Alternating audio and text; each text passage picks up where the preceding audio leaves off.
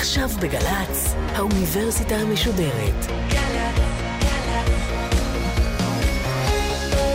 מה שקורה עכשיו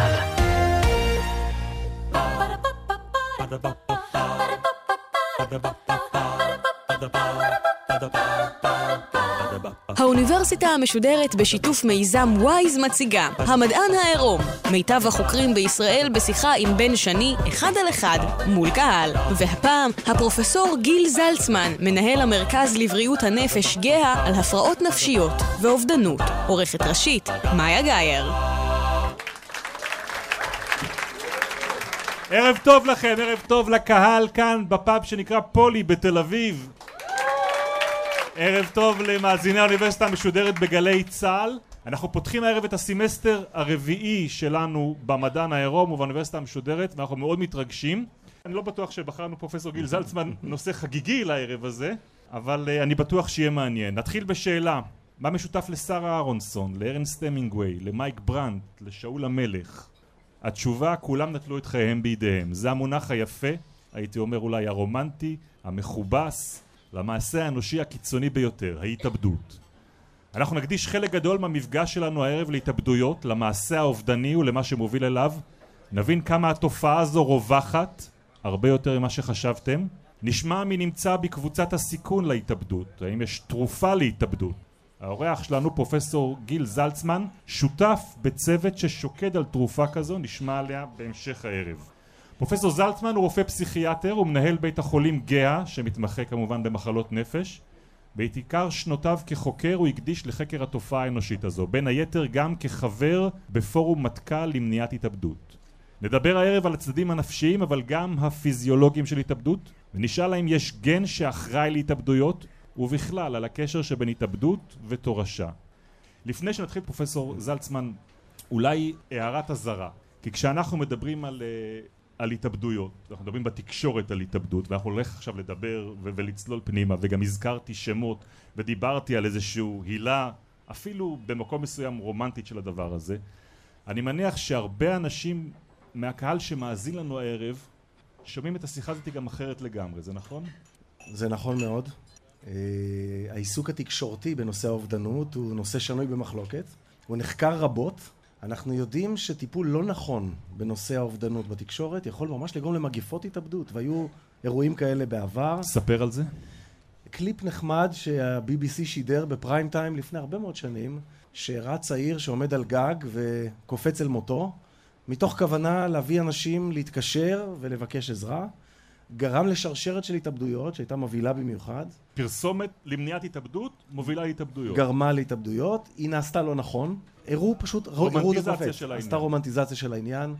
אה, תוכנית שהייתה גם בארץ, שעסקה בהתאבדות של נערה מסוימת והציגה אותה באיזה אור מאוד רומנטי את כל המעשה, גרם לעלייה בשיעור הבנות הקופצות אל מותן בשבועיים שלפני השידור, דבר מפתיע. אמרנו שאולי זה ממצא בכלל שגוי. עד שגילינו שבשבועיים לפני השידור הטלוויזיה שידרה פרומו שבו לא ראו אדם כמוני שמדבר על המשמעות של ההתנהגות הזאת, לא הראו את ההורים ואת האסון שקרה להם, אלא הראו רק את המעשה עצמו עם איזושהי רומנטיזציה שלו, הראו כמה היא הייתה מוצלחת ויפה ומוכשרת וכנראה, אנחנו לא יכולים לדעת בוודאות, הדבר הזה היה מסוכן. כך שלעסוק בנושא האובדנות בצורה רומנטית ולהאדיר את המעשה האובדני הוא דבר מסוכן ביותר.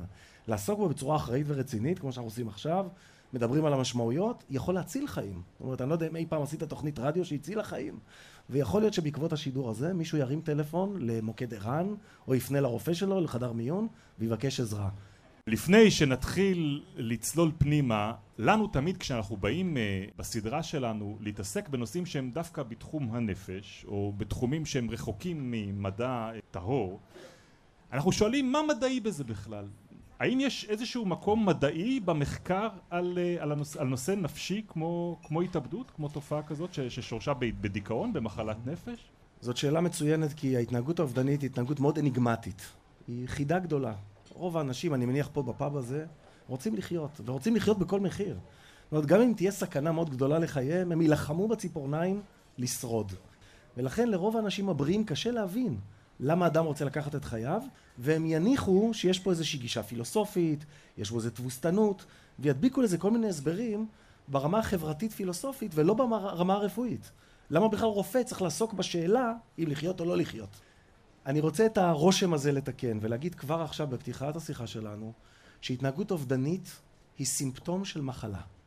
המחלה השכיחה ביותר היא מחלת הדיכאון, אבל גם במחלת הסכיזופרניה וגם במאניה דיפרסיה ואפילו במחלת החרדה יש לפעמים מצבים שאנשים רוצים למות. הבחירה למות היא תוצאה, ונדבר על זה קצת יותר בהמשך, של השתלבות מספר גורמים שקורים בו זמנית. אבל בהחלט מדובר על סימפטום של מחלה. תמיד? כמעט תמיד. 90% מהמקרים שעושים post mortem פסיכולוגי, אנחנו קוראים לזה psychological autopsy, לוקחים אנשים שהתאבדו וחוקרים את הסיפור שלהם בדיעבד, אנחנו עושים את זה גם בצבא עם מקרים של חיילים שהתאבדו. בונים את התיק הפסיכולוגי שלהם? ברוורס. כמו, כן, כמו חקירה, CSI. הולכים, מדברים עם הגננת ועם המורה ועם המפקד בצבא ועם ההורים ובונים את הסיפור ברוורס כדי ללמוד מה מביא אדם למסע האובדני.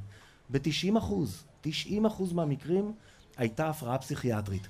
לא תמיד היא הייתה כתובה בתיק הרפואי, למשל במקרה של חיילים אנחנו יודעים שחלקם הצליחו לעבור את המסננת של לשכת גיוס, הייתה להם הפרעה שלא אותרה או שהם לא רצו לדווח עליה מסיבות שונות ולמעשה הם סבלו מדיכאון מוסתר או סמוי. אצל אנשים צעירים במיוחד דיכאון יכול להיות מאוד מאוד נסתר ובסופו של דבר אין כמעט מצבים שאנשים בריאים בנפשם ומאושרים שמים קץ לחייהם. זאת אומרת דיכאון זה תנאי ראשון להתאבדות? דיכאון או הפרעה נפשית אחרת. פסיכופתולוגיה כמעט תמיד נמצאת בתוך מצב של אובדנות ולמעשה אני אגיד משהו ככה גורף, אובדנות היא סימפטום של הפרעה נפשית כמו שחום הוא סימפטום של שפעת. וכשאני אחלים מהשפעת, החום יעבור. כשאני אחלים מהדיכאון, אני ארצה לחיות. ופה טמון העוקץ. אומרים לי, מי שרוצה למות ימצא את הדרך למות. יש אנשים שאי אפשר להציל אותם, וזה ממש לא נכון.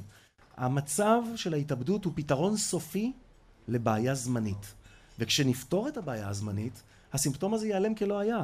אנשים ירצו לחיות. אז מתי הדיכאון הוא באמת מופע שהוא קליני ולא תגובה לאירועים סביבתיים שאנחנו יכולים להסתכל עליהם בצד באופן אובייקטיבי ולהגיד בואנה, לבן אדם יש סיבה טובה להיות בדיכאון? לרוב האנשים שמאזינים לנו אין דרך טובה לקבוע מתי זה דיקי ומתי זה דיכאון קליני. לרופא יש את היכולת, גם לרופא משפחה אגב, לא חייב להיות רופא פסיכיאטר, לפסיכולוג, לעובד סוציאלי, אנשים שעוסקים בתחום יש להם את הדרך לעשות את זה. ואני יכול לומר בכלל אצבע שאם יותר משבועיים אתה מאוד עצוב, באופן לא שגרתי, יש אנשים שתמיד עצובים, אנשים פסימיים, אבל אני מדבר על משהו לא, לא מתאים לך, אתה נהיה פתאום מאוד עצוב למשך שבועיים ברצף. יש לך הפרעות בשינה, הפרעות בתיאבון, או אכילת יתר ושינת יתר, או אי אכילה ואי שינה. יש לך מחשבות על מוות, לא תמיד אובדניות, אבל לפעמים מין מחשבות ייאוש וחוסר תקווה. אנדוניה, חוסר הנאה, מדברים שתמיד נהנית, אהבת מאוד לשחק טניס, פתאום אין לך עניין ללכת, אהבת לנגן, אתה עוזב את הפסנתר. אם זה נמשך שבועיים, חפש עזרה. יש לך דיכאון קליני.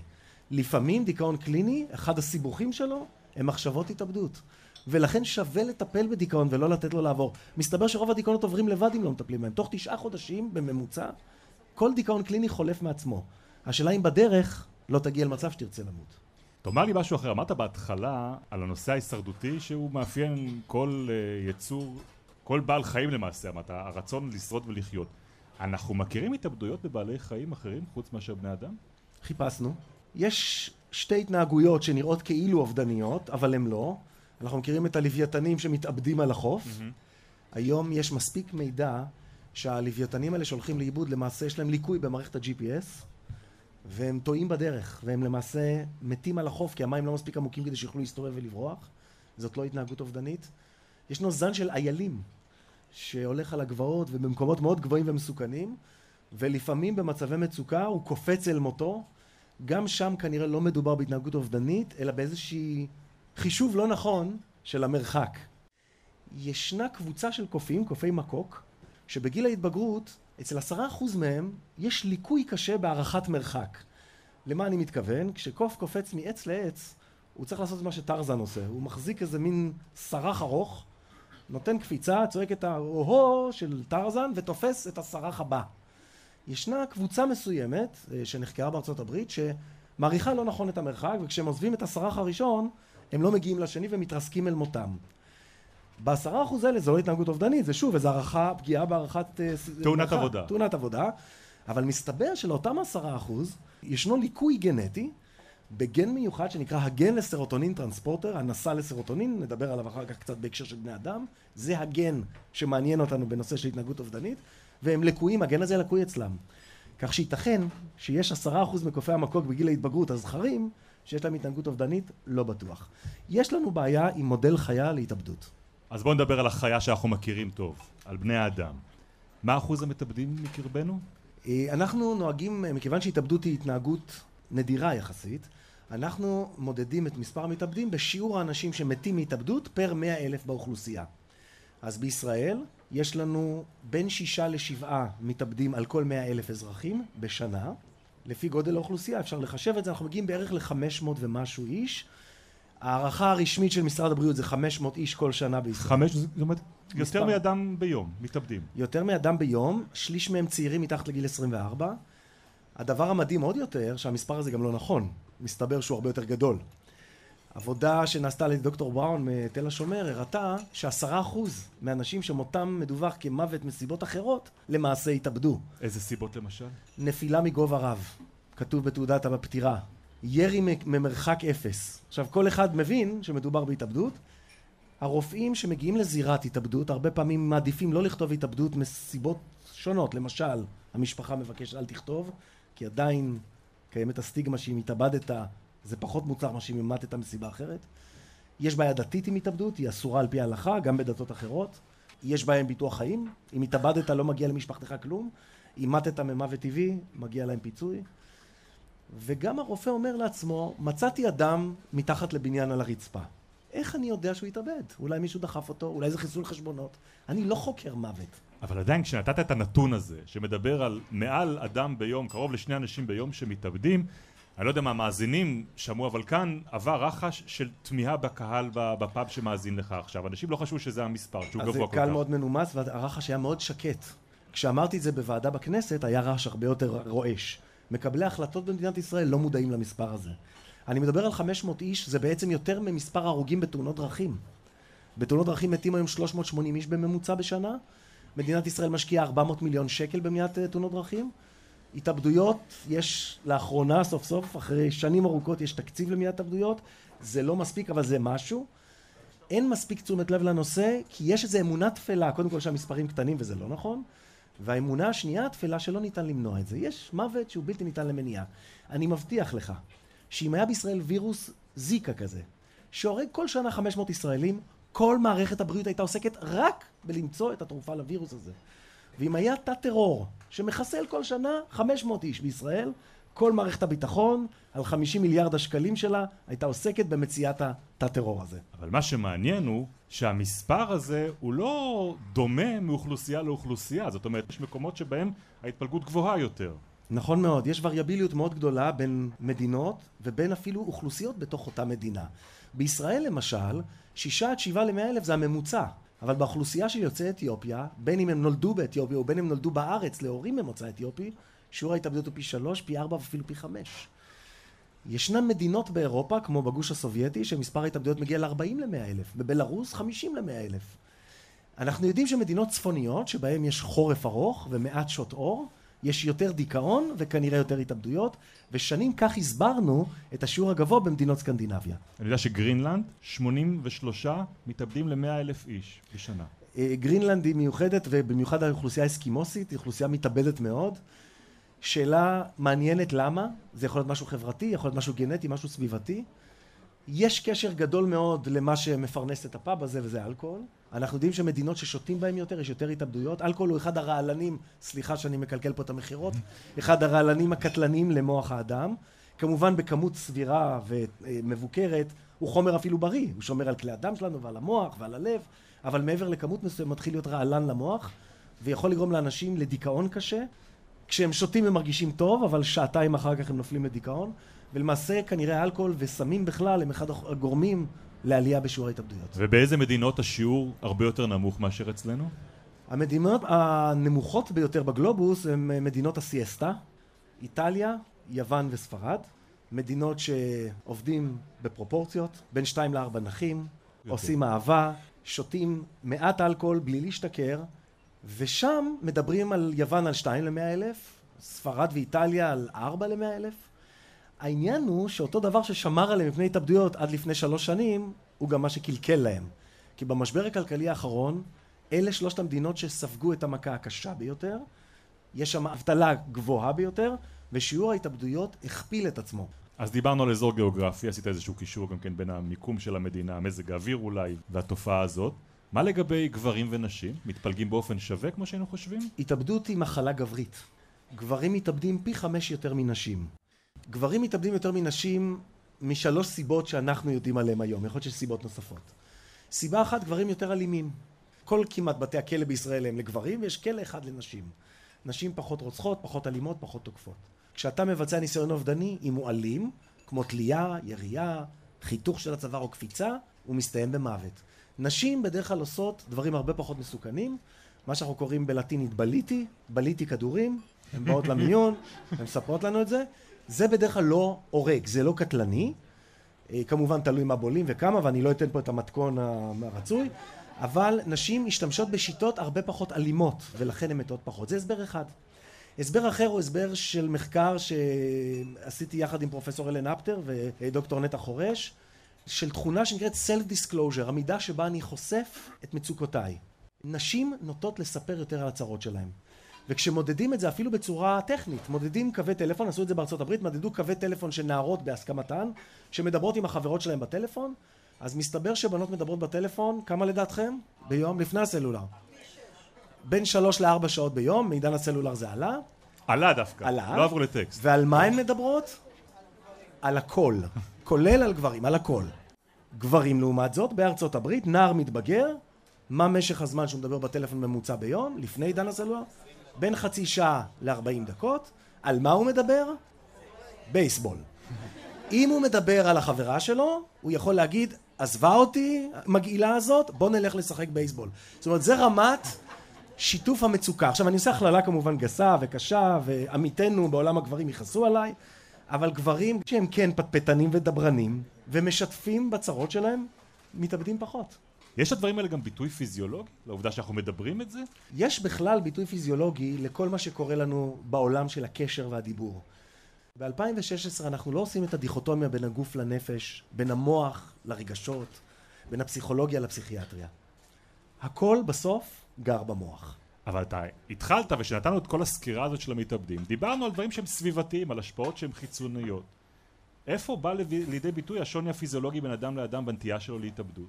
קודם כל המוח האובדני, כך הראה ג'ון מן, אה, מורי ורבי, ביליתי איתו שנתיים באוניברסיטת קולומביה, הוא הכהן הגדול של הביולוגיה של התאבדות, והוא הוכיח ביותר מ-400 מאמרים שהמוח האובדני שונה מהמוח הרגיל. תסביר. יש לו למשל קולטנים לחומר שנקרא סרוטונין, אותו חומר שכשהוא קיים מספיק אנחנו שמחים וכשהוא חסר אנחנו עצובים או חרדתיים.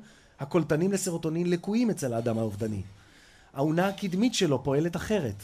קבלת ההחלטות שלו שונה. האימפולסיביות שלו גבוהה יותר. ואולי הכי חשוב, האדם האובדני הוא אדם דיכאוני יותר, ויש לו נטייה גנטית וביולוגית לדיכאון. דיכאון היא מחלה שרצה במשפחות. אנחנו מכירים את התופעה הגנטית. המשפחה של המינגווי, אם אני לא טועה, יש נכדה שהתאבדה, יש בן שהתאבד, יש שם כמעט עשרים מתאבדים לאורך הדורות, משפחה מאוד אובדנית. יש גנטיקה בהתאבדות, וכיצד אנחנו יודעים את זה? הדרך הטובה ביותר ברפואה למצוא מרכיב גנטי הוא להשוות בין תאומים זהים לתאומים שאינם זהים. תאום זה נושא את אותו חומר גנטי בדיוק כמו אחיו. ולכן אם מחלה היא גנטית היא אמורה להופיע בשכיחות זהה. תאום לא זהה שותף עם אחיו כמו כל שני אחים ב-50% מהגנטיקה ו-50% הוא לא שותף. ואז אני אמור לראות חצי מהשכיחות אם אחד חולה אצל השני. במקרה של התאבדות, אם תאום זהה יתאבד, לתאום השני יש סיכוי של פי 13 יותר להתאבד מאשר אם זה היה תאום לא זהה. כך שהפקטור הגנטי הוא משמעותי. עדיין, כשאנחנו מדברים על 13% תרומה גנטית, צריך לזכור שיש 87% תרומה לא גנטית. והיא סביבתית. אנחנו קרובים? מצאנו? אנחנו מחפשים את הגן הזה? גן ההתאבדות? אני השקעתי עשר שנים מחיי בחיפוש הגן הזה. אנחנו לא חושבים שיש גן אחד, כמו שבכלל בהפרעות פסיכיאטריות אין גן אחד למחלה, אלא זו תורשה מולטי פקטוריאלית ומולטי גנטית, כלומר שותפים מספר גנים שצריכים להתכנס באותו אדם כדי שתהיה לו את הפגיעות. אנחנו כן, יש לנו מספר גנים מועמדים, אחד מהם הזכרתי קודם, בהקשר של uh, הקופים, וזה הגן לסרוטונין טרנספורטר, ואני אסביר על מה מדובר. סרוטונין הוא חומר במוח, הוא מוכר להרבה אנשים בגלל שכשאוכלים שוקולד הוא עולה, וכשעושים ספורט הוא עולה. סרוטונין הוא חומר שמופק מחומרים שאנחנו אוכלים בתזונה, ולמעשה משמש כחומר העברה של מידע במוח, חומר כימי, נוירוטרנסמיטר שמעביר מידע במוח. הסרוטונין נמצא כנמוך במיוחד אצל אנשים שיש להם דיכאון, חרדה וכפייתיות. התגלה גם שהסרוטונין הוא חומר יקר למוח, ויש למוח משאבה ששואבת אותו מהמרווח הסינפטי, אותו מרווח בין שני תאים במוח, חזרה אל תוך התא העצבי וממחזרת אותו. המוח למעשה הוא איבר מאוד חסכוני, והוא עושה מחזור של הסרוטונין. אנחנו יודעים שלמשאבה הזאת ששואבת אותו חזרה, יש גן. ויש לו שתי וריאציות, וריאציה קצרה וארוכה. כל אחד עכשיו בפאב הזה, יש לו או גן אחד קצר מאבא ואחד קצר מאימא, או קצר וארוך, או שני ארוכים. נמצא שאנשים שיש להם את השורט שורט, את שני הקצרים, הם אנשים דיכאוניים יותר, חרדתיים יותר, ואפילו מתאבדים יותר. וזה אומר גם משהו לגבי טיפול מונע שאפשר לתת במקרה כזה? לשם אנחנו מכוונים למעשה. אנחנו יודעים שיש תרופות מסוימות שעוצרות את המשאבה מלשאוב חזרה את הסרוטונין. אחת התרופות המפורסמות היא הפלואקסטין, המוכרת בשם המסחרי פרוזק, והתרופה הזאת, שפותחה בשנות ה-80, למעשה עוצרת את המשאבה ומונעת את ה reuptake, את השאיבה חזרה. ואז באופן מלאכותי נשאר יותר סרוטונין במרווח, ואדם מרגיש טוב יותר. הצרה עם התרופה הזאת, שלוקח לה שישה שבועות להתחיל לפעול. ובשישה השבועות האלה אדם יכול לשים קץ לחייו. לכן צריך לשמור עליו טוב טוב. צרה נוספת, שדווקא בשבוע החמישי והשישי כשהוא מתחיל להתאושש, קורה משהו מעניין. הוא מתחיל לישון יותר טוב, הוא מתחיל לאכול יותר טוב, ופתאום אין לו את הקווצ'יות הזאת שהוא במיטה כל היום, אלא פתאום יש לו כוחות, והוא מסוגל לקום מהמיטה ולעשות דברים. אבל המחשבה האובדנית עוד לא חלפה. והשבוע החמישי או השישי לנטילת תרופות, כמו ציפרלקס, פרוזה, כל התרופות האלה, הוא שבוע מסוכן ביותר. רוב ההתאבדויות קורות שם, האדם מתחיל להתאושש, אבל עדיין יש לו מחשבה אובדנית. רק שעכשיו הוא יכול לבצע. טיפולים נוספים הם טיפולים פסיכולוגיים, שכמו שהתחלתי לרמוז קודם, גם טיפול פסיכולוגי משנה את המוח. אנחנו כבר לא חושבים היום שיש טיפול בדיבור וטיפול בתרופות. גם הטיפול בדיבור עושה שינויים מוחיים משמעותיים. זה שינוי אורגני במוח. אמרת קודם משהו על זה שהמוח של המתאבד שונה ממוח של אדם נורמלי. נכון מאוד. איך אתה יודע את זה? אנחנו עושים להם MRI. לאחר ההתאבדות. אנחנו עושים את זה אחרי ניסיון התאבדות. כן. אנחנו בודקים את המוח לאחר התאבדות, עסקתי בזה בעצמי. אה, אני לא רוצה לקלקל פה את התיאבון לאף אחד, אבל היינו לוקחים אנשים בארלם ההיספנית שקפצו אל מותם. יש בעצם במדינת ניו יורק החלטה גורפת שכל מתאבד, מוחו נתרם אוטומטית לבנק מוחות באוניברסיטת קולומביה, שם עבדתי, ולמעשה היה לנו בנק של מוחות של אנשים שקפצו אל מותם. מצד שני, היו לנו גם 300 מוחות של אנשים שמתו מוות טבעי או בתאונה, שבארלם ההיספנית זה אומר שמישהו זרק אותך מהגג. ואז השווינו את שני המוחות, אלה ואלה, ומצאנו הבדלים גם במבנה וגם בתפקוד וגם בגנטיקה וגם בכימיה. המוח האובדני הוא מוח אחר. בואו נדבר על תופעה סביבתית מאוד מוכרת שהיא מועדת לפורענות בנושא הזה של uh, התאבדות, וזה הצבא. עד כמה הרגע הזה שבו אדם מתגייס לצבא מהווה גורם סיכון בנטייה שלו להתאבד? אז אה, קודם כל הפורום האזרחי שיועץ לראש אכ"א בנושא התאבדויות קיבל החלטה עקרונית, ואתם רואים את התוצאות שלה, שאחת לשנה צה"ל מודיע את מספר המתאבדים בצבא. הוא לא מחכה שאיזה עיתונאי יקפוץ ויגיד שמעתי שיש, אלא מודיע באופן שגרתי.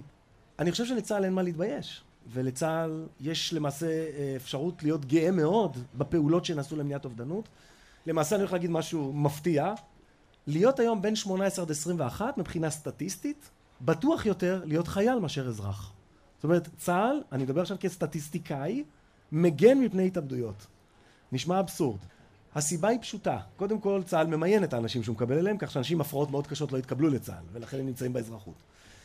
הסיבה השנייה היא שצה"ל עשה מספר פעולות ברמה מערכתית שהיו מאוד אפקטיביות. פעולות שאני, אני יושב ראש המועצה הלאומית למניעת התאבדויות של משרד הבריאות, לא יכול לעשות במדינה דמוקרטית מסודרת. כן אפשר לעשות בארגון לא דמוקרטי והיררכי כמו בצבא. אתה נותן פקודה וכולם חייבים לבצע. שתי הפעולות החשובות ביותר שנעשו בשנת 2006 החלטה שמפרידים את החייל מהנשק שלו אם הוא לא חייב להיות עם נשק.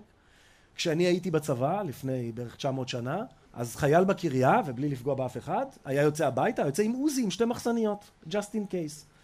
מה שהיה קורה זה שהוא היה פולט כדור, והייתה תאונה, או שחלילה היה מתאבד עם זה, או אחיו או אבא שלו היו מתאבדים עם הנשק. היום חייל שאינו בהר דוב, ולא בכוננות קרבית, לא יוצא עם נשק אם יש אלטרנטיבה.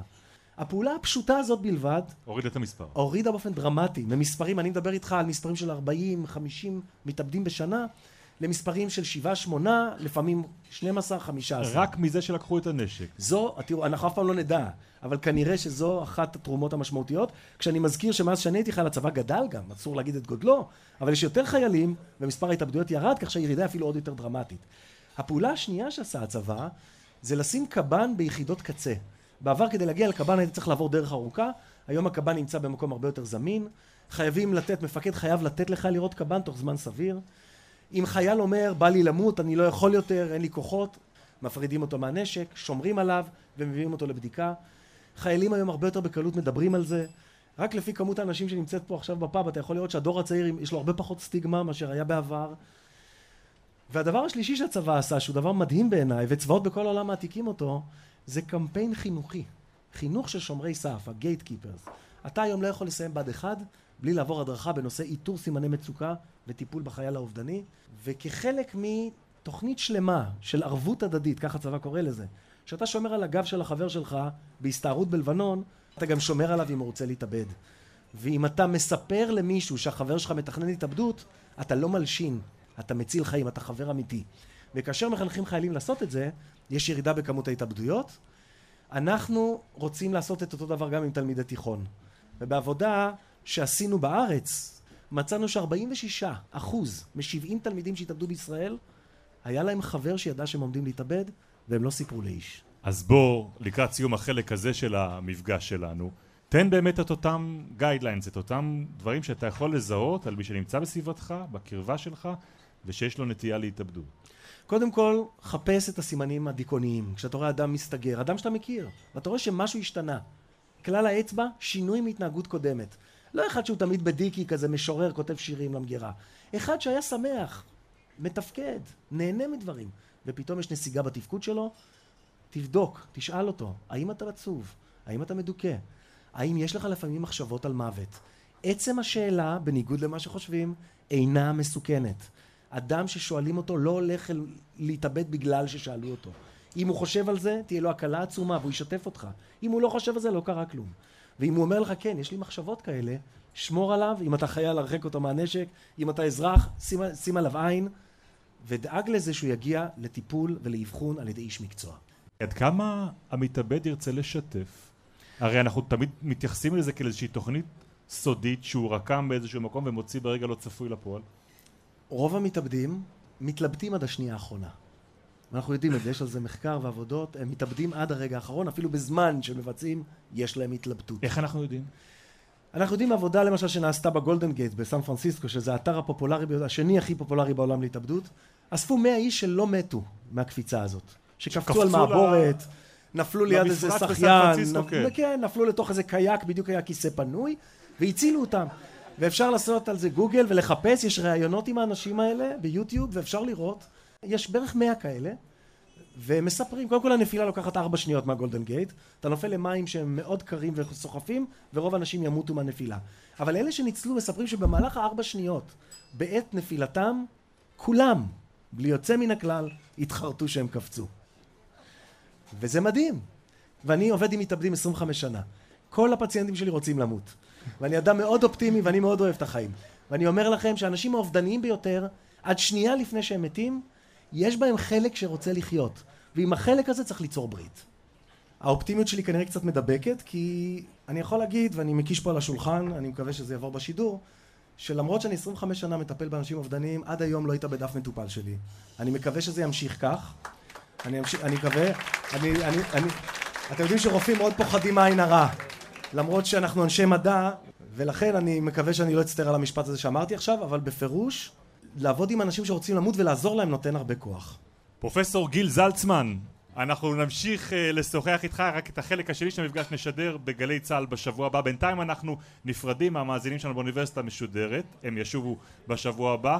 אנחנו נשארים עם הקהל שלנו כאן בפאב הפולי, ונודה לטכנאים שלנו, לבני יהודאי ובן קטן, תודה לעדן ספקטור, לשותפים שלנו מעמותת וויז, השותפים שלנו בכלל בסדרה הזאת, לעורכת הראשית שלנו, למאיה גייר, ולמפיקות ועורכות התחקיר, תום נשר ואביגיל קוש. עד הפעם הבאה, לילה טוב. Ba-da-ba-ba-ba-da.